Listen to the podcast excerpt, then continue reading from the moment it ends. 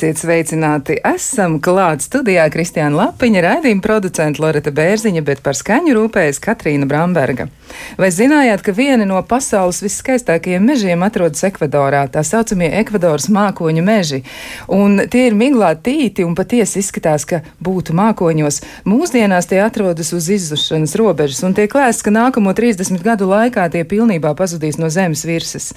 Šajos mežos patvērumu raduši ļoti daudz dzīvnieki un arī dažas citas radības, un, ja jūs gribat redzēt brīļainos lāčus, sastapt jaguāru, sliņķi vai pumu un paskatīties uz kādu pērtiķi, jums ir jābrauc uz turieni. Taču pirms jūs brauksiet, jums ir jāpadomā, ko jūs paņemsiet līdzi, kam jūs to pateiksiet, un, ja jūs gribat ieiet šajos mežos, jums noteikti ir jāparūpēs par, turi, par to, lai varētu arī no tiem iziet.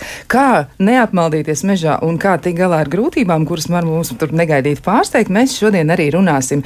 Un tāpēc esam aicinājuši sarunā piedalīties Agritu Vītolu, valsts ugunsdzēsības un glābšanas dienesta prevencijas un sabiedrības informēšanas nodeļas priekšniece. Sveicināti! Labrīt!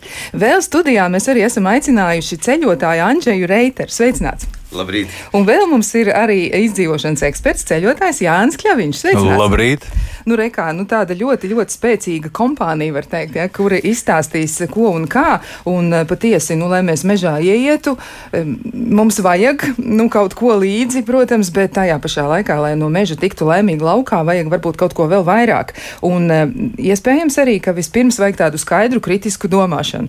Un man pirmais jautājums būs Agitē Vītolē, nu, tomēr maz drusciņi par cipariem. Kā izskatās? Izskatās, cik tad Latvijā parasti mežā pamanās apmaldīties cilvēki gada laikā? Varbūt jums ir tāda statistika?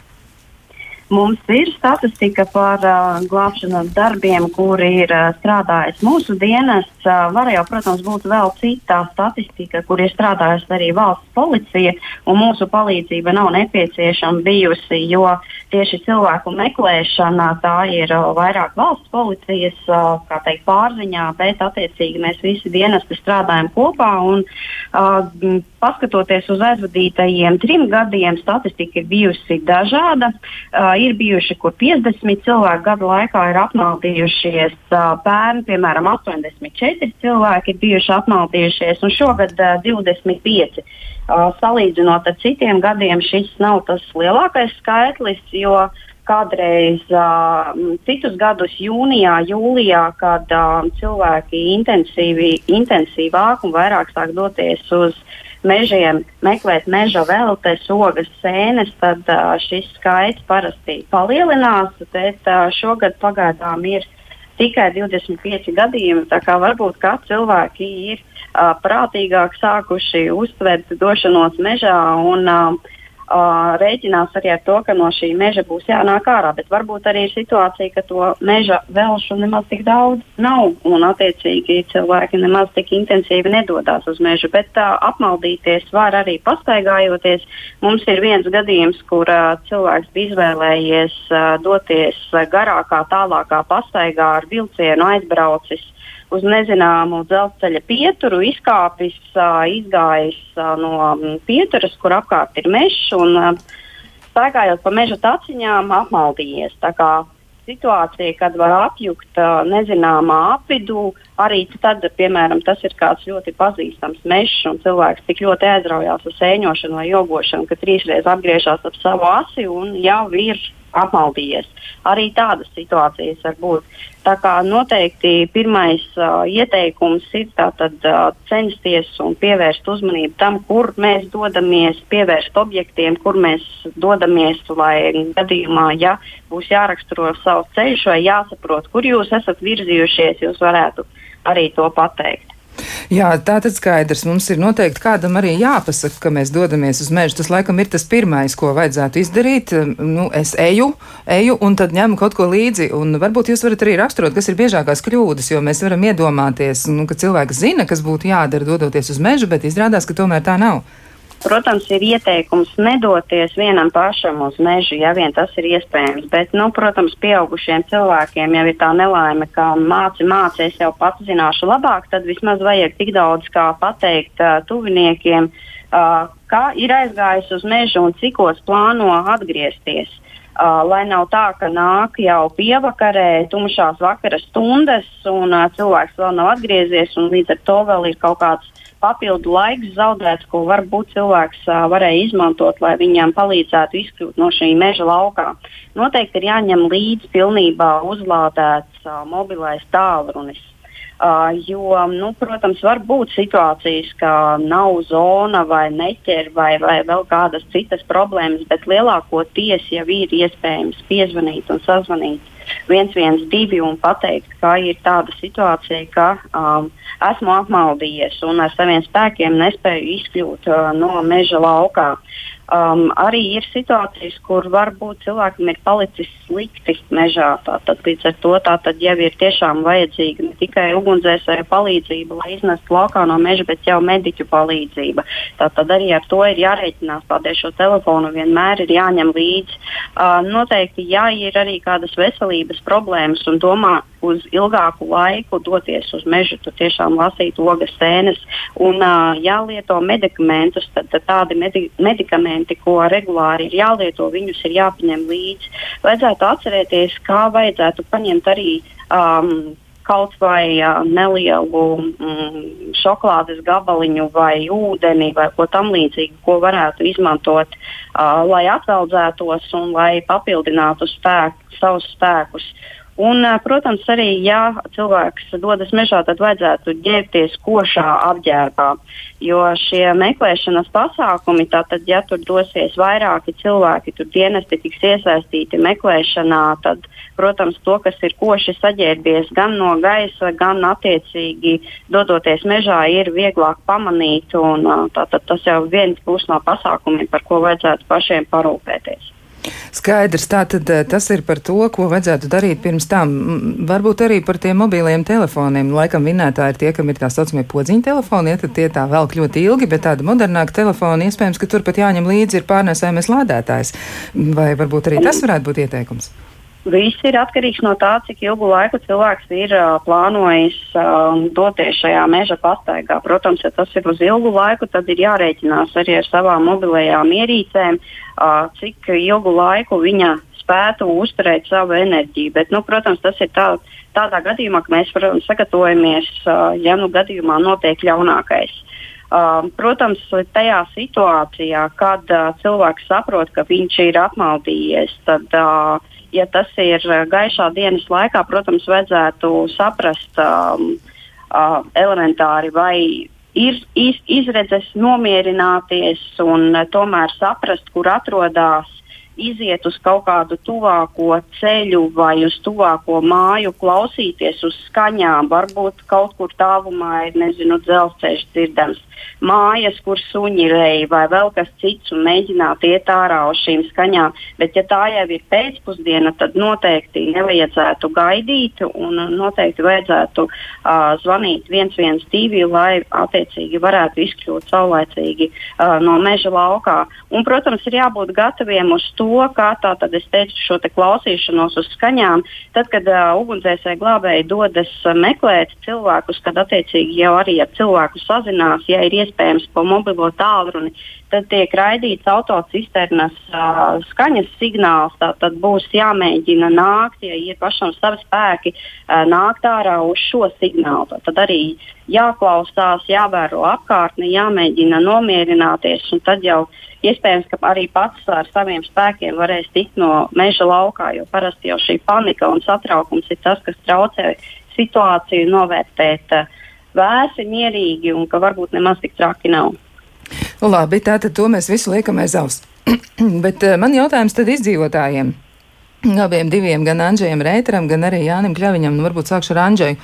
Nu, kāda, kāda ir pieredze vispār pašam arī par to, kas sagādā tās lielākās problēmas? Jo nu, noteikti ir tādas tipiskas kļūdas, kas cilvēkiem joprojām ir raksturīgas. Viņi to mēģina it kā apiet, bet tajā pašā laikā viņi tās kļūdas atkal, atkal pieļauj. Nu, kaut vai, piemēram, tas vien, ka iet uz mežu un tiek uztverts gandrīz vai tiešām bieži vien kā tāds pastaigu gājiens, jā, bet tas mm, gluži tā nav. Tieši tas droši vien, kad ir pats galvenais iemesls to, kad mēs nomaldīsimies mēs iepriekš nezinām. Līdz ar to, ja kurš pastāvīgi gājiens piedāvām ne tikai cilvēkam, kas tajā ir iesācējis vai kas ir nokļuvis tajā forsmažorā, bet arī profesionālam un speciālistam ir pilnīgi vienāds. Jo šis cilvēks nokļūst situācijā, kur viņš pēkšņi jūt, ka viņš to nekontrolē. Un tad rīcība ir varbūt tāda druskuņa paradoxāla. Es pateikšu, kā, kā tas izskatās tieši tajās pašās tropu valstīs, kur, kur man arī ir nācies iziet kursus un apmācību. Ja cilvēkam mežā iekoš čūska, tad pirmais ir nomierināties. Viņa jau ir iekodusi. ļoti skaidri. Un nākošā lieta ir paradoxāli. Man ir jāapstāsta, kā viņi izskatās, vai pat viņi jānofotografē, nu, ja vien tas ir iespējams ar telefonu. Un šīs nākamās darbības ir ļoti ar to saistītas. Jo tad, ja es dodos uz medicīnas iestādi, man būs jāpastāsta, kas, kā, kādā veidā. Un tā droši vien, kad ir arī pati pirmā situāciju, un kolēģi ļoti, ļoti precīzi teica, man ir vispirms jānomierinās. Un jo es daru mazāk stresainu, histērisku darbību, jo mani krietni ātrāk varēs atrast. Es izstāstīšu pavisam praktiski. Pats cik es esmu pats piedalījies meklēšanā, un arī esmu gan, gan ilgi strādājis ugunsdzēsības glābšanas dienestā, tad cilvēks, tad, kad viņš ir uztraucies, viņš dara histēriskas kustības un atstāja tā rezultātā pēdas. Un tad, ja viņš griežās kā vilciņš uz vietas, šo vietu pēc tam var redzēt. Uh, savukārt, ja es nomierinos un pašā sākumā saprotu, ka nu, īsti neesmu pārliecināts, bet varbūt esmu nomaldījies, tad pirmais man ir jāapstājās. Man ir jāapstājās, jāapsēžās, jānovērtē situācija, un tikai pēc tam es varu turpināt kaut kādu darbību tā ļoti secīgi, ieklausīties skaņās, viņas atzīmēt Šitā ir koku precīzi no turienes nāk skaņa. Tātad tur es došos. Jo mirklī, tā, kad es esmu uztraucies, tad es viņu daru tā histēriski. Un būtībā to stāvokli cilvēks pat pastiprina. Viņš sajauc pēdus tiem, kas pēc tam meklēs. Jā, tā kā pats pirmais mirklis man liekas, ka ir vissvarīgākais. Un jebkuram cilvēkam, tāpat kā glābšanai ūdenī, ir jāsaprot, ka pirmais viņa glābējs būs viņš pats. Jā, tad tas pirmais punkts ir nomierināties, aptvert un tad izdomāt lēnu rīcības uh, sistēmu. Pēc tam ir apzināšana, pēc tam ir apzināšanas pareizība, pēc tam ir kaut kāda darbība, kuras virzīšos, atstāt zīmītes. Jā, bet pats pirmais ir droši vien, kad. Uh, nu, teiksim, tā vienā teikumā, kas visvairāk ir vajadzīgs? ne ūdens, ne uguns, visvairāk ir vajadzīga galva spēja nomierināties un sakoncentrēties. Es domāju, Jānis piekritīs, ir, ir, ir gan piedalījies gan, gan meklēšanā, gan jā, jā, šādās situācijās. Nu, vai varētu būt tāds algoritms, jo patiesībā jau apstākļi var ļoti būtiski to izmainīt. Viena lieta ir apmaldīties siltā vasaras dienā, un cita situācija ir tad, ja ārā ir mīnusi, piemēram, mīnus 20 grādi, tad sēdēt un ilgi domāt par to, ko darīt tālāk, nu, laikam nevarēs, bet vispirms ir jāatgūst tas miers. Nu, ko tad darīt? Kāds varētu būt algoritms tad, ja cilvēks saprot, jā, es es vairs ne, ne, nevaru apjēgt, kur es atrodos. Kas tad ir noticis? Jā, nu šeit es gribētu runāt par tādu lietu kā paradumu, kuru mēs varētu sevi veidot. Laikam spilgtākais pēdējo laiku piemērs bija šie Ķīnā ultramaratonisti, ja, kuri darbojās zināmā vidē. Viņiem sekoja līdz pasaules mēdī spēcīgi cilvēki, ja, un vairāk desmit gāja bojā nosalstot dienas vidū. Ja. Tā tad vispār ekstremāla situācija, kā tā varēja notikt. Uh, Ko mēs varam darīt? Viens no ieteikumiem, ko mēs darām armijā, un ko es arī iesaku saviem kursantiem darīt, ir veidot paradumu. Angliski to sauc par recovery bag. Latvijas nosauksim to par tādu mazo izdzīvošanas somiņu, kura mums ir sakomplektēta vienmēr, vai mēs braucam ar automašīnu, vai ejam sēnēs, vai kaut kur tālāk dodamies. Mums tāda neliela, pieņemsim, gurnu somiņa, kurā ir iekšā šīs minimālās lietas, kā aptieciņa, kā noteikti šis te mm, folijas sega. Varbūt vēl kaut kas tas pats minētais batoniņš, un vēl un vēl varētu būt, bet tā somiņa vienmēr mums ir par rokai. Jo, ja mēs nonākam šajā situācijā, tad tas būs negaidīti, kā jau mēs sapratām. Un tad pirmās lietas ir nomierināties, protams, ko Anģēns teica. Ja? Un tālāk visādi situācijas var būt. Varbūt mums ir asiņošana, varbūt mēs esam krituši un savainojuši sev. Ja? Tad mums ir pirmā lieta, vajadzīga kaut kāda līdzekļa, lai apstādinātu šo asiņošanu, kamēr mūs izglābs ja šie laikapstākļi ir augsti, mums šī folija sega atkal nodrošinās mūsu dzīvību vēl uz kādām vairākām stundām. Ja, ja šiem pašiem ķīnas sportistiem būtu šī folija segas līdzi, bet pat cik viņi skrēja ļoti lielu, smagu maratonu, viņi skrēja ultra viegli. Nekā tāda viņiem nebija. Ja. Tas būtu noteikti paglābis daudz desmit vīru dzīvības. Lūk, tā kā paradums domāt par situāciju, kur iespējams dzīvē nekad nepienāks, šo somiņu turēt pie rokas, vienmēr nesāt līdzi, vienmēr viņu atjaunot, papildināt. Jo, nu, protams, karstās valstis, augstās valstis, kaut kas tur mainīsies tajā somiņā. Man liekas, tas ieradums būtu tāds labs ceļš mm, ikvienam.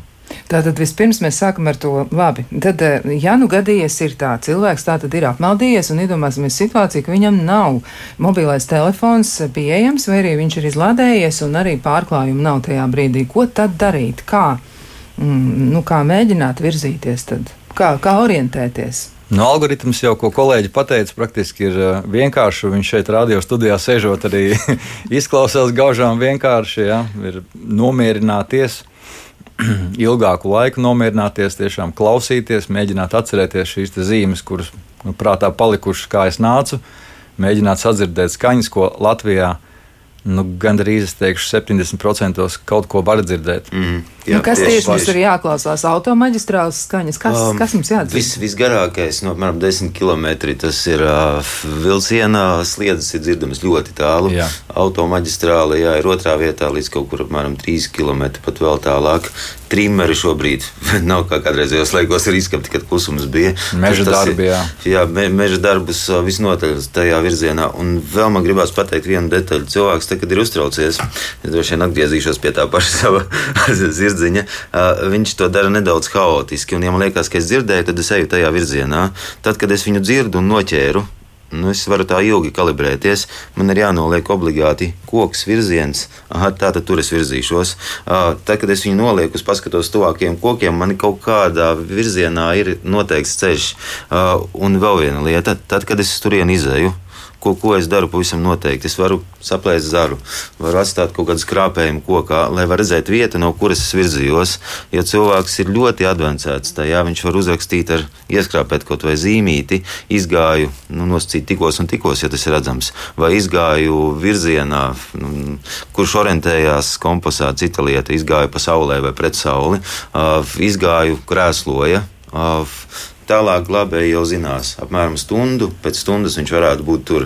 Jo, jo nu, netrenēta cilvēka ātrums mežā visnotaļ būs kaut kur stundā, kilometrs stundā. Nu, nu, trenētam ātrāks, bet trenēts visdrīzāk rīkosies savādāk. Jā, man ir pirmais jānorentējās, jāklausās, ja es varu uzrāpties kokā tieši tāpat apskatos kaut kādas noteiktas kontūras. Ja es viņas redzu, man no koka augšas vēl ir jāapskatās, kā izskatīsies ceļš, kur es iešu. Jo tā kā es nokāpšu lejā, mēs zinām, kā mēs nokāpjam, mēs esam atkal apjukuši, un tas azimuts ir nojucis. Tātad no turienes sakla apstos virzienu, kur es eju, šādā veidā pamazītiņā var likt soli pa solim savu glābšanas darbu pats, nu, diezgan izteikti. Nu, un kolēģi jau teica par sirēnu tad man ir skaidri jāsaprot, ka es eju tikai uz turieni, jo viņa ir ļoti skaļa. Jā, viņa ir ļoti skaļa, bet nu, tie ir tādi ļoti būtiski skaitļi. Ja, pirmkārt, kilometrs stundā netrenētam cilvēkam mežā, jo tur mēs tā lēnām virzāmies, un arī skaņas tie attālumi, tas ir būtiski. Tātad vēlreiz jūs teicāt, vilciens, to mēs varam dzirdēt, nu, 10 km. 10 km noteikti. Jā, jā. Mhm. un, un automaģistrā būs vidēji kādi 5, 7, jā. Jā, un savukārt meža darbi tie varētu būt relatīvi tuvāk, vai arī kaut kādi saimnieciskie darbi, tad noteikti arī mēs varam iet skaņas virzienā, un Andžēs teica, kad noliekam to nolikt koku, ja, tad ja, tas ir jāsaprot tā, ka mēs noliekam kādu sprunguli vai kādu zāru, ja tādu pamatīgu virzienā tajā, kur, kur, kur mēs ejam, jo citādi cilvēki reizēm nesaprot, ko, ko jā, tas nozīmē. Viņš var izklausīties ļoti smieklīgi, bet, nu, reku mēs tik ar, ar, ar kolēģi ar Jāni bijām Kazbekā, nu, gan it kā nesarežģītā kāpienā no vienas puses, un manā virvē viena no meitenēm nokrita, viņai bija šoks. Un tas šoks ir tāds, ka cilvēks ir pilnīgi dumšs. Viņš skaita līdz trīs, viņš skatās priekšā gājējiem pakausī, skaita līdz trīs, un tas ir vienīgais, ko viņš var darīt. Līdz ar to es esmu redzējis, kā, kā glābējs, cik ļoti cilvēks dažreiz ir no panikas neadekvātā stāvoklī, un, un šie mani tādi varbūt smieklīgi, ja padomi par to, ka koks ir jānoliek virziens, viņš ir dažreiz ļoti vajadzīgs. Jā, jā tieši tā, tā, tās ir ļoti labs padoms, jo tiešām ir tāds no apjukums tajā brīdī cilvēkiem, un arī viena no klausītājiem raksta, ka viņai patīk pasēņot, bet ienākot mežā rodas paniskas bailes apmaldīties, un var tikai sekot kādam kompanionam. Un tik un tā sēņošana tad pārvērst par nervu spriedzi, nevis pastaigu un relaksāciju, un var apmaldīties trijās priedēs. Ja, un viņas jautājums tieši tāds arī ir, ko darīt, kā orientēties un kā neapmaldīties, un kādām būtu jābūt minimālajām iemaņām, lai neapmaldītos. Un uh, vēl arī papildus jautājums arī no cits klausītājs ir, kā pareizāk rīkoties, ja pienāk nakts, vai meklēt mīkstas sūnas, kur pavadīt nakti, vai doties tikai uz priekšu, nezinot, kur. Jā, nu, kā tad ir? Varbūt es arī to varu pārdresēt uzdosiet arī šo jautājumu Agritē Vītolē, jo es ieteikumu sarakstā valsts ugunsdzēsības un glābšanas dienesta mājaslapā atradu, ka nakts laikā labāk nepārvietoties un palikt uz vietas. Varbūt jūs varat komentēt. Um, jā, par nakts laiku jau, kā es minēju, tad, uh, ja vien ir iespēja uh, nesagaidīt šo tumšo diennakts laiku un uh, ziņot par savu problēmu, tad noteikti to vajag izmantot. Uh, bet varbūt par tādiem citiem izdzīvošanas sīkumiem un, un, un smalkumiem un, un, un, un zināšanām, to jums citi kolēģi pastāstīs. Bet um, bija jautājums par to, uh, kā neapmaldīties un kā tikt galā ar to sajūtu, kad uh, iet mežā un uzreiz jau ir panika, ka varētu apmaldīties. Tad, nu, kā jau cilvēks minēja arī savā jautājumā, ka parasti iet kopā ar kādu nu, tad, protams, nevajadzētu izma, izvēlēties tur dziļus mūža mežus, saziņu, kur nezinu, kādā nezināmā vietā, bet ja iet kopā ar cilvēku, kurš pārzina mežu un neiet īpaši dziļi mežos, jo nav jau tā, ka pašos dziļākajos biezokņos sēnes aug, sēnēm patīk tādi gaiši klajumiņi, skraji bērziņi un tam līdzīgi, un tad jau noteikti tur neapmaldīsies. Bet, nu, katrā ziņā tad uh, varētu iet kopā ar kādu, kas arī ir viens no galvenajiem ieteikumiem, ka nevajadzētu iet vienam pašam, uh, it īpaši, ja vēl ir nezināma vieta. Jā, nu, cilvēki arī diezgan ātri var zaudēt spēku, sevišķi, ja tie ir cilvēki jau gados. Varbūt jūs varat arī mēģināt iezīmēt to laiku, nu, ar kuru vajadzētu rēķināties un kā aprēķināt savus spēkus, jo noteikti ir kādi nu, rekordisti pēdiņās liekot ja, to apzīmējumu, kuri ir mežā izturējuši diezgan ilgu laiku, bet tas noteikti nebūtu kritērijs, uz kur vajadzētu orientēties. Nu, cik jums ir tādi dati par to, nu, kad cilvēkiem vajadzētu nu, apjēgt, nu, cik ilgu laiku tiešām viņi varētu un cik ilgi var iztikt tā bez ūdens, bez ēšanas? Zināšanas?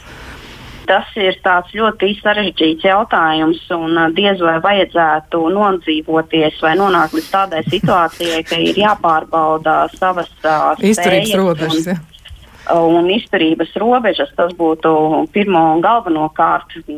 Katrā ziņā varbūt kolēģiem, kas ir vairāk studējuši šo jautājumu, varbūt būs citi rādītāji, cik ilgi cilvēks to var izturēt, bet noteikti līdz tam nevajadzētu uh, nonākt. Tāpēc arī šī palīdzības meklēšana un saulēcīga izkļūšana no meža tas ir pats svarīgākais. Un nevajadzētu jau arī plānot, ka jūs tur dosieties, es nezinu, diennakti pavadīt. Tātad arī informējot tuviniekus, tad tās ir nu, pāris stundas, dažas stundas, ko jūs tur būsiet, lai um, rīta pusē jūs ieiet iekšā mežā un um, pēcpusdienā jau jūs noteikti esat ārā, lai nav šis te tumšais laiks, jo arī tad, kad mainās gaisma, apgaismojums mežā, tātad saule kustās, virzās, īpaši tuvojoties rudenim, ļoti ātri mainās apgaismojums. Arī tad, ja ir kāds pazīstams meža nogabals, kur parasti staigā, arī var šādā situācijā apjukt, jo nav vairs tas, ko ir ierasti par, parasti uh, redzēt.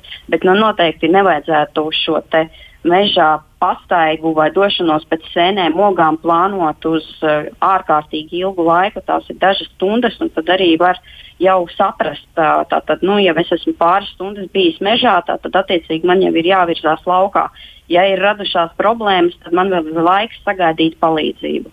Jā, un tātad ņemam vērā to nepaliekam mežā visu laiku, visu dienu, ja, un varbūt nevajag tādus personiskus rekordus tiešām mēģināt uzstādīt. Bet eh, jautājums, jā, izdzīvošanas ekspertiem, nu kā tad ir, ehm, cik, cik eh, jūs esat novērojuši arī savā pieredzē, kā ir ar cilvēkiem, viņi pārvērtē savas spējas, ja viņi spēja objektīvi novērtēt savus spēkus. Kā ir, es varbūt Jānim Kļaviņam jautāšu vispirms. Jā, es jau gribētu kādu piemēru varbūt pastāstīt, jo tie piemēri mm, vislabāk parāda, kādas tās situācijas mēdz būt. Un atkal jau Latvijas grupa, kas bija uh, Slovākijas kalnos, Tatros, absolūti draudzīgi kalni, absolūti skaistas takas, uh, grupa, kura tiek vadīta. Un vakarā ejot lejā no kalna, tātad grupa sadalījās. Acīm redzot, grupas vadītājs nebija kaut ko izdarījis līdz galam. Nebija grupas sākumā un beigās cilvēki, kas pakontrolē, un divas kundzes apmaldījās.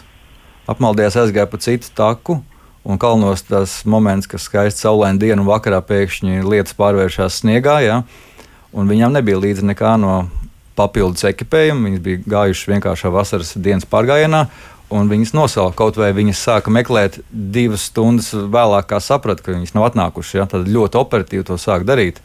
un tāks puslīdz zināms. Ja. Tātad um, vēlreiz stāsts par to, ka šī situācija pienāk negaidīti, uh, ļoti elementāros apstākļos bieži vien. Tas ir par to, ka ejam sēņot skaistu saulainu dienu, neko neņemšu līdzi, ne to pašu ūdeni vai neko. Tad par to ir jādomā iepriekš. Jā. Jā, tās ir noteikti jāņem vērā. Nu, vēl arī klausītāji nu, ar tādu zināmu pārsteigumu secina, vai tiešām tehnoloģija laikmetā iespējams apmaldīties mežā. Katram mežā gājējam būtu jāņem līdzi savs vietu telefons, kurā vienmēr var aplūkot kartu ar savu atrašanās vietu. Izskatās, ka tas nestrādā. Mm. Un burtiski nestrādā, jo ļoti bieži izrādās, ka telefons ir izlādējies, izlādējies ātrāk arī augstumā, un joprojām šīs lietas notiek. Un viedi tālruņi laikam ir tie, uz kuriem mēs kaut kādā ziņā varam varbūt vismaz mazāk paļauties. Es, tieši, es, es ļoti ātri gribu šo tēmu no, norakstot, jo man viņa ir visbiežāk bijusi. Un, principā, tas ir viens no biežākajiem iemesliem, tas, ka cilvēks absolūti paļaujas uz to elektronisko ierīci, kurā viss ir parādīts. Tad es skaidri redzu, re, kur GPS, re, kur es atrodos, re, kur kartē, ko to jūs vienkāršākajā. Un tas viss beidzās tajā brīdī, kad viņš vai nu pēkšņi nosalst kas notiek ļoti ātri, vai iekrīt ūdenī, bet vienkārši notiek kaut kāda tehniska kļūme vai zona pat pazūd, noraustās. Un tajā brīdī cilvēks saprot, ka viņš pirms tam nav pavērojis, kur viņš ieiet, kā tas saucās. Un, un te ir vistrakākais stāvoklis, jo viņam orientieru ir vis, vismazāk. Tajā brīdī es varbūt pateikšu no otras puses, kamēr viņš iet, kas būtu jādara uztaisiet touchscreenu vietai, kur jūs atrodaties. Aizsūtiet diviem, trim draugiem. Ar laiku, kā jūtos, kas noticis. Šitā jau būs pietiekoša informācija pēc tam glābējiem, jo ir jāskatās tikai nevis kā es jūtos, bet ko tajā brīdī darīs, domās un kalkulēs glābēji. Nākamā lieta, tad, kad es pazvanu, ziniet, kad saruna ierakstās līdz ko es sazvanu 112, tā ļoti skaidri, vismaz mūsu tā trenēja vēl, vēl glābšanas laikos, atrodos tajā un tajā vietā, mans vārds ir tāds un tāds, pulkstenis ir tieši tik un tik, manas pēdējās zināmās koordinātas, nosauc kaut kādu apdzīvotu vietu, esmu nomaldījies, ir slikti. Ja telefons izslēdzās pēc pirmā teikuma, atrodos tur un tur, arī ar to pietiek, jo glābēji viņu jau ir nofiksējuši. Nu, tad, tad tik daudz ar viņu var izdarīt, un tad varbūt vēl viena lieta ātri par kartēm ļoti bieži apsmīja vai, vai kaut kāds Google nerāda ļoti smalki. Latvijas valsts meža ir vismaz Latvijas apstākļos ļoti laba karte. Viņā var gan kadastrs ar punktu. Es redzu, kadastrā, kam pieder šis zemes gabals, tā ir pietiekoši liela koordināte gan man, gan glābējiem. Jā, arī man šis jautājums liekas viens no svarīgākajiem, jo pēc tam ir tikai izdzīvošana.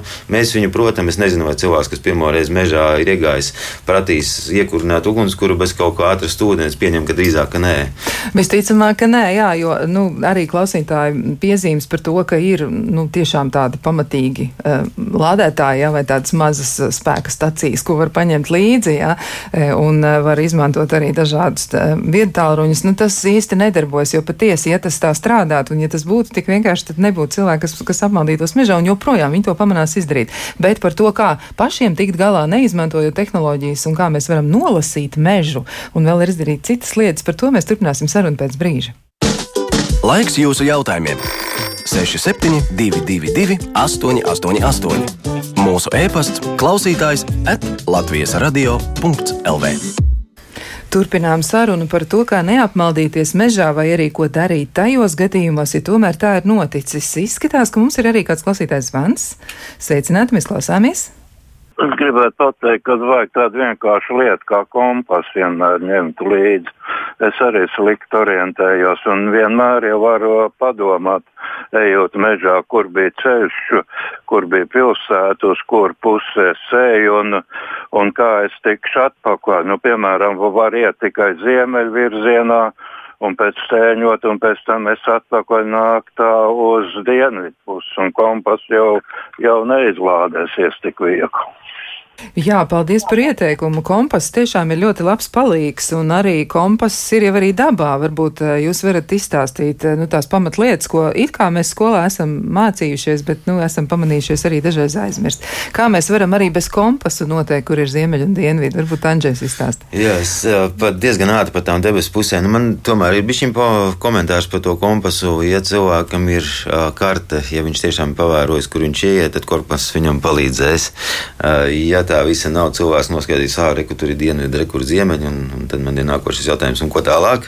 Uh, tad ļoti bieži tas, tas varbūt nespēlē to visgalvenāko lomu, drīzāk, kad uh, kompas salikumā ar to, kur es atrodos, vai es esmu to pavērojis, vai man ir kāds salīdzināšanās materiāls ar to. Uh, ja tīri dabā, tad tās lietas, ko vēroju es, protams, kurā pusē ir sūnas kokam, kā ir tur, kur viņi ir vairāk tā būs loģiska ziemeļpuse. Tad pats galvenais, kā iet saule. Pilnīgi skaidri mēs zinām, ka viņi ir austrumos, lecas, rietumos, riet.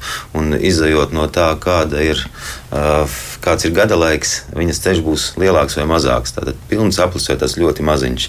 Pēc saules vien var saprast, ja es izgāju, un man saule bija priekšā, tādā mazā aplī, teiksim, rudens periodā, tad atpakaļ man būs jāiet tieši atpakaļ, skatoties, kur, kur viņa riet pa to pašu apli. Nu, vismaz šī lieta ir tā, ko es pieņemu, ka katrs cilvēks pavērot var. Pārējās mazās nianses, nu, tas būs vairāk tādam profesionāliem.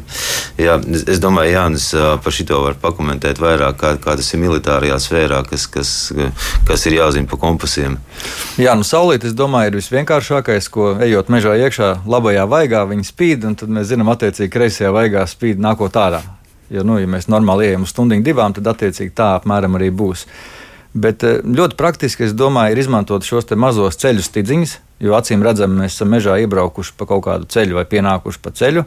Un uh, iet tādiem puslokiem, uh, atkāpjoties no ceļa, nezinu, 200 metrus, laika pa laikam atkal atnākot atpakaļ līdz šim ceļam. Tādā veidā, pieturot viņu savā, pieņemsim, labajā pusē, mēs pagājām prom, bet mēs zinām, ka pēc minūtēm 20 mēs atkal gribam šo ceļu uztaustīt. Un tā mēs varam nosacīt gar ceļu, vai gar stigu, vai gar grāvi, gar kaut ko solīdu, saprotamu, skaidri dabā redzamu, virzīties uz priekšu stundu un tāpat virzīties, pieņemsim, pa šī ceļa otru pusi atpakaļ. Tad kaut kāds orientieris, kuru mēs diezgan eh, viegli ik pa brīdim varēsim uztaustīt. Es domāju, tas būtu. Jā, un šajā vietā es ļoti ātri nokomentēšu arī par glābējiem, jo principā vienmēr jādomā divos virzienos, ko daru es un ko darīs glābēji. Nu, es atvainojos, man ir profesionālā sfēra, es pats esmu bijis glābējs. Ko, ko meklē glābēji pirmie pārmeklē? Elektrības līnijas, upju krastus, meža stigas. Un tad pie šīm vietām, ja es pieturos, tad agri vai vēl man atradīs pavisam noteikti. Tas ir kas tāds, kas jāņem vērā. To arī teica Agrita Vītola, kura ir valsts ugunsdzēsības un glābšanas dienas prevencijas un sabiedrības informēšanas nodaļas priekšniece. Viņa bija sarunas pirmajā daļā un nu jau ir devusies darīt citus darbus, bet viņa arī to atzīmēja, ka tās stigas ir viens no tādiem ļoti būtiskiem elementiem, ko ir vērts ņemt vērā. Vēl starp citu arī no klausītājiem, vien, viena no klausītājām raksta arī tā, ir tāda laba ieteikuma.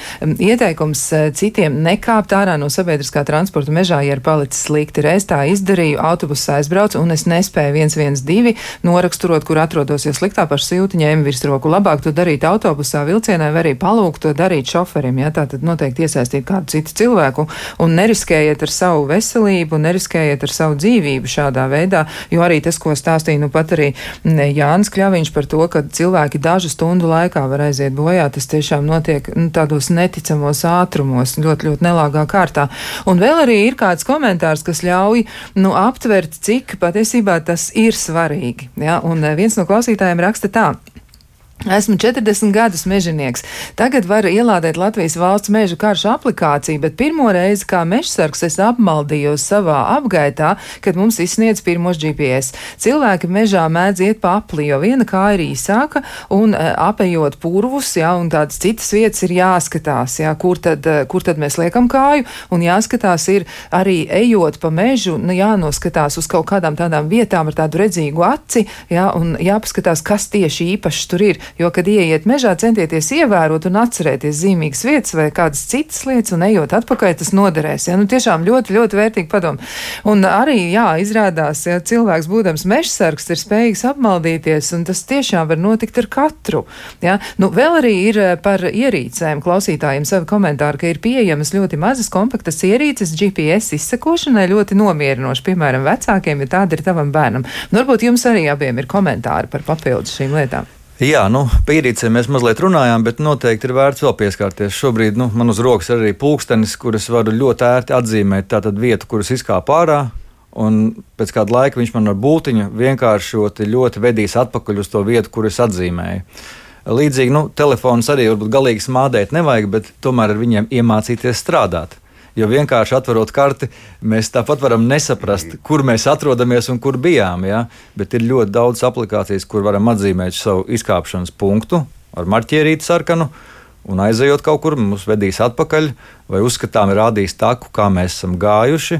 Un te būtu vietā bērniem, saviem vecākiem pamācīt šīs aplikācijas. Ja, nu, ja mēs pieņemam, ka zona ir un telefons nav izlādējies, arī tas var bieži vien palīdzēt. Jo arī man tuvu cilvēki, ejot kaut vai nojot, viņi daudz drošāk jūtās, kad telefons zīmē taku, un viņi tā kā drošāk jūtās, ka neapmaldīsies. Ja.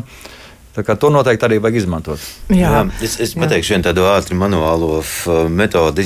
Pavisam nesen šajā vasarā liku taku tādā purvainā apvidū. Un, nu, visu protu, esmu profesionāls, katrs cilvēks tā saka. Un, un tieši tāpat ne, nekādu neņēmu līdzi lietu. Man ļoti maziņš gabaliņš bija jāaiziet.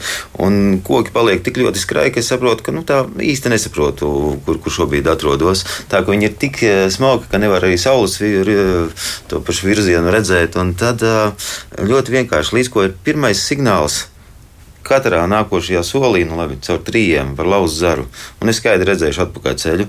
Otrs, Jānis ir mednieks, labi pazīst visas meža lietas. Ja mēs esam vērīgi, mēs varam pieliekties, paskatīties. Kaut drusciņā zāle būs ieliekta tajā vietā, kur mēs gājām, un mēs pat pa pēdām varam aiziet atpakaļ. Šādi pat dzīvnieku pēdas var redzēt, un tas ir visbiežāko ceļu var, var novērot. Mums glābējiem mācīja pēc, pēc maza zāles reliefa izmaiņas redzēt, kur cilvēks ir gājis, un pēc tam domāt, kā šis cilvēks būtu domājis. Un mēs varam izmantot tieši to pašu metodi. Jā, tas būs tāds iekšējais GPS. Labi, bet eh, klausītājs saka, ka nav viss tik vienkārši kartām sūnām un kokiem nav droši, jo viens no klausītājiem raksta, ka viņš ir novērojis, ka Rīgas parkos un mežos ar sūnām apaugušas ir arī dienvidu puses kokiem, ja, un viņš jau sen, to sen jau ir pamanījis un īsti lāgā nevar saprast, jo vienmēr mēs tiešām esam mācīti par to, ka sūns ir ziemeļu pusē, ja, nu, koks mēģina tā, nu, kā saka, sa sasildīties. Protams, nepietiks vien ar šādu informāciju. Pirmo reizi pēkšņi pazūdot mežā, à, apskatos uz sūnām un viss skaidrs. Viss skaidrs. Tā noteikti nebūs. Šādas vērojumus vajadzētu regulāri vērot, pašam sevi trenēt, kā teikt, trenēt acī, ja?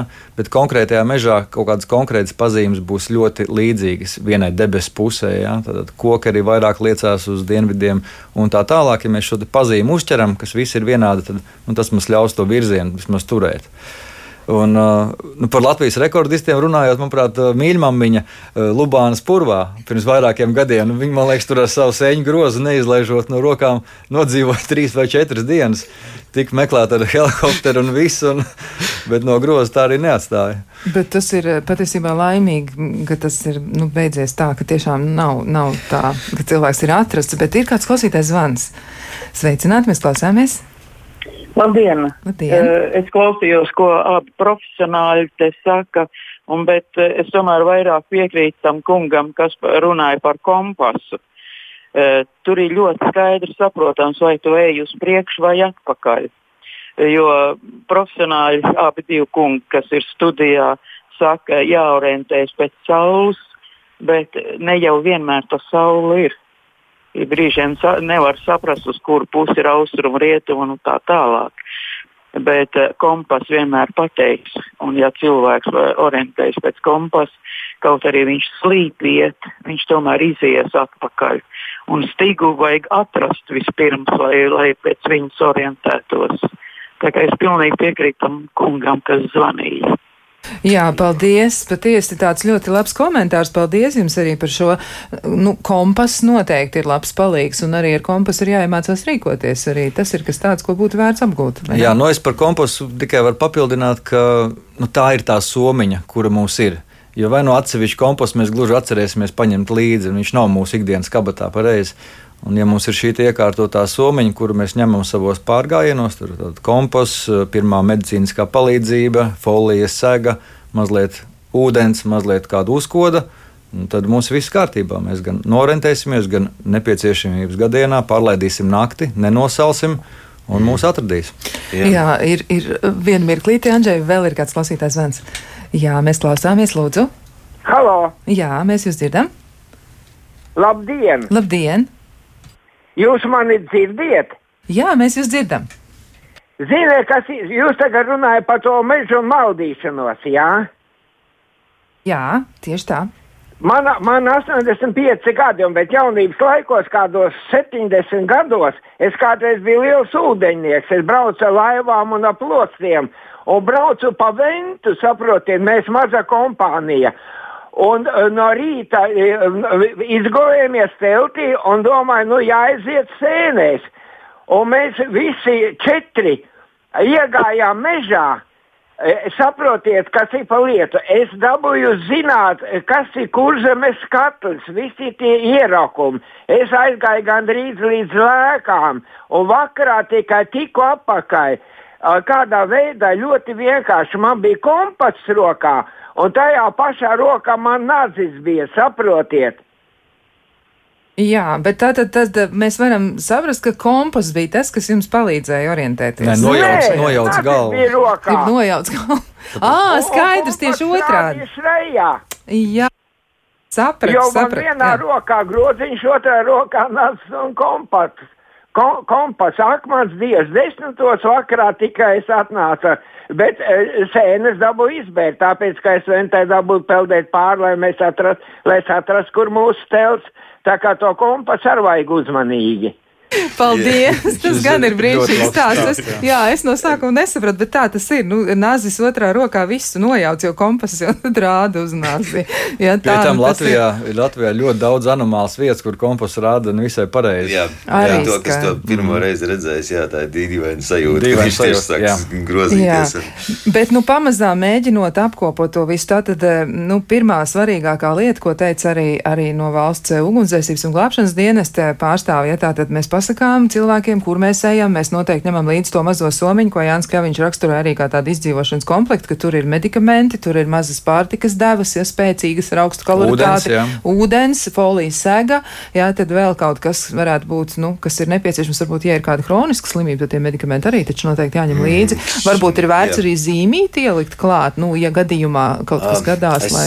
es varu pateikt, kā, kā to liek darīt glābējiem. Ja mēs, piemēram, uzliekam kādā vietā žņaugu, mēs obligāti liekam zīmīti, pulkstenis cikos, jo ir noteikts laiks, cik viņu drīkst turēt, un pēc tam jau varbūt sakas krietni savādākas. Un tieši tāpat cilvēkam, kam ir speciāls zāles, arī vienmēr vajadzētu būt rakstu priekšpratam blakus, lai to var redzēt, tikos un tikos ieņēmu, nu, noteikti devu. Un pēc tam var izsacināt, kas ir noticis, un tad krietni ātrāk mediķiem ar to ir tik galā. Bet es atcerējos šajā vietā vēl vienu vietu, kas ir ļoti bieži par iemeslu tādām force majeure situācijām, sevišķi, nu, varbūt citās valstīs, bet tā skaitā Latvijā, labāk es nepēdu, nekā ēdu kaut ko, ko nezinu. Teiksim, visi saka, mežā var paēst. Ja jūs pazīstat melnus un, un zemenes, ļoti labi to pazīst visi cilvēki, bet tajās vietās, kur sākas eksperimenti ar tādām sēnēm vai šitādu ūdeni, nu, izskatās tīrs. Es labāk nepadzeršos nekā dizentērija. Tas ir diezgan traki. Un tas var ļoti īsā laikā būt. Jā, tā kā šis moments arī ir jāņem vērā.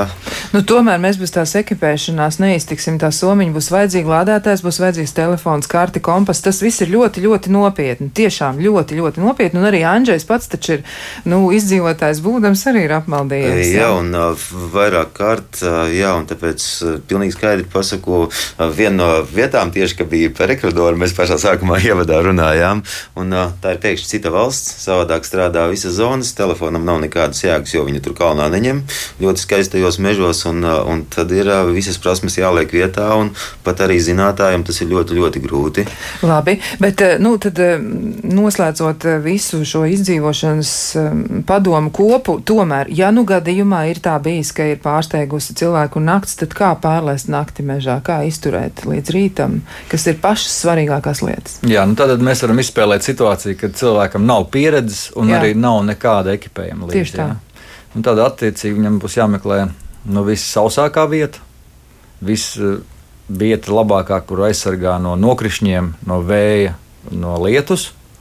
Ja, tātad, lai viņš neatzīst, jo principā naktī uh, guļot bez nekāda ekipējuma, bez guļamais, ja, mums ir liels risks atzist un, un, un nosalt. Nu, varbūt ne šādā vasaras naktī, ja, bet vēlākā rudenī jau tas ir ļoti realistisks plāns. Tātad, principā, jāmeklē pajumte, kur mēs varēsim droši būt pasargāti no lietus vēja. Un, nu, attiecīgi, uguns, kur mēs neiekurināsim, jo mums nekā nav šī scenārijā. Ja. Uh, saglabāt savu siltumu, eglis, zari, sūnas, ko mēs varam sevi apsekt ar dabiskiem materiāliem, niedres. Kaut vai mēs varam uzkraut sev metru ar šīm nokautušajām rudens niedrēm virsū. Mums būs faktiski dūnu uh, spilvens milzīgs. Jā. Nu, kustēties, protams, kustēties mēreni, taupot enerģiju, bet nu, saglabājot siltumu. Man Andžēji nāk prātā šādas darbības. Jā, jā ļoti un, un pat ļoti labi, kad uh, mēs izspēlējam scenāriju, kurā nav uguns vai, vai kaut kādas tādas lietas, ko mēs parasti nu, tādā buškraftā iedomājamies. Divas uh, lāzdas tuvu stāvošas zarus var savīt augšā vairāk. Man, man nav pieņemsim instrumenti, ar ko viņas nocirst. Uh, tas jau būs noteikts jumts. Salikt vairāk uz zarus, apakšā rupjāk uz zarus, pa augstu mīkstākus. Tas man būs tāds madracis jau. Gadījumā gadījumā, pat ja lietus ir pa tiem rupākiem zariem, viņš kā sietam izies cauri, bet es palikšu savus tām pašām niedrēm, vilkuvālis šitādā veidā saberzējot, tas ir silts puhaviks. nu, es atvainojos, tas krievisks vārds dūna, ritīgi. Uh, pietiekoši silts materiāls, un šis te ir, jā, tas, ar ko var izdzīvot, uh, saliekot ļoti biezā slānī zarus. Uh, nu, tas būs kaut kas, no, kas pasargās no lietus. Piedāvājam, ļoti bieži cilvēki viņu liek tā kā sienā kūlīti pa virsmu, viss otrādāk, no apakšas uz augšu tad, tad ūdens pāries pāri. Un, paliekot sauss, arī siltuma ter, ter, termotemperatūra ir savādāka. Jo, Jā. Aļaskā man bija pieredze, intervēja vienu vīru, kurš bija apgāzies ar laivu Jukonas upē. Vēls rudens, izpeldējis krastā, kas jau bija gandrīz neticami, bet, protams, viņš jau bija nu, tādā hipotermijas stāvoklī, ka knapi kustējās. Ja? Un viss, ko viņš darīja, viņš teica, viņš plēsa egļu zarus, lai šie asie dureklīši mazliet mundrināt viņa rokas, ja, un viņš vienkārši plēsa zarus un kustināja un, un sev, kā teikt, uzturēja to asinsriti tādā veidā. Un pēc tam lēnām, lēnām atgāja, un tad viņi atrada. Ja. Jā, un, nu ļoti dažādi paņēmieni. Šodien patiesi mēs visus nespēsim izrunāt, bet pašu galveno jūs tomēr pateicāt. Jā, tas, kas ir jāņem vērā, vispirms paziņojam, tad ekipējamies un tikai tad dodamies mežā un vienmēr, vienmēr uztveram to ļoti, ļoti nopietni. Nu, saku šajā brīdī paldies ceļotājiem Anģijam Reiteram un arī izdzīvošanas ekspertam ekspertam un ceļotājam Jānim Kļaviņam. Savukārt klausītājiem varu teikt, ka rīt mēs runāsim par to, kāda tad plāni un ieceras Rīgas apkaimē biedrībām ir pilsētas labiekārtošanā un arī ne tikai viņiem. Un varbūt, ka parādīsies drīzumā Latvijā pirmās darbojošās enduro taks motobraucējiem, kas to lai zina, bet par to, kā tas varētu būt, mēs runāsim rīt. Savukārt šodien es no jums atvedos, ar jums kopā bija Kristiāna Lapiņa, un mēs tiksimies ar jums jau atkal nākamajā sarunā rīt.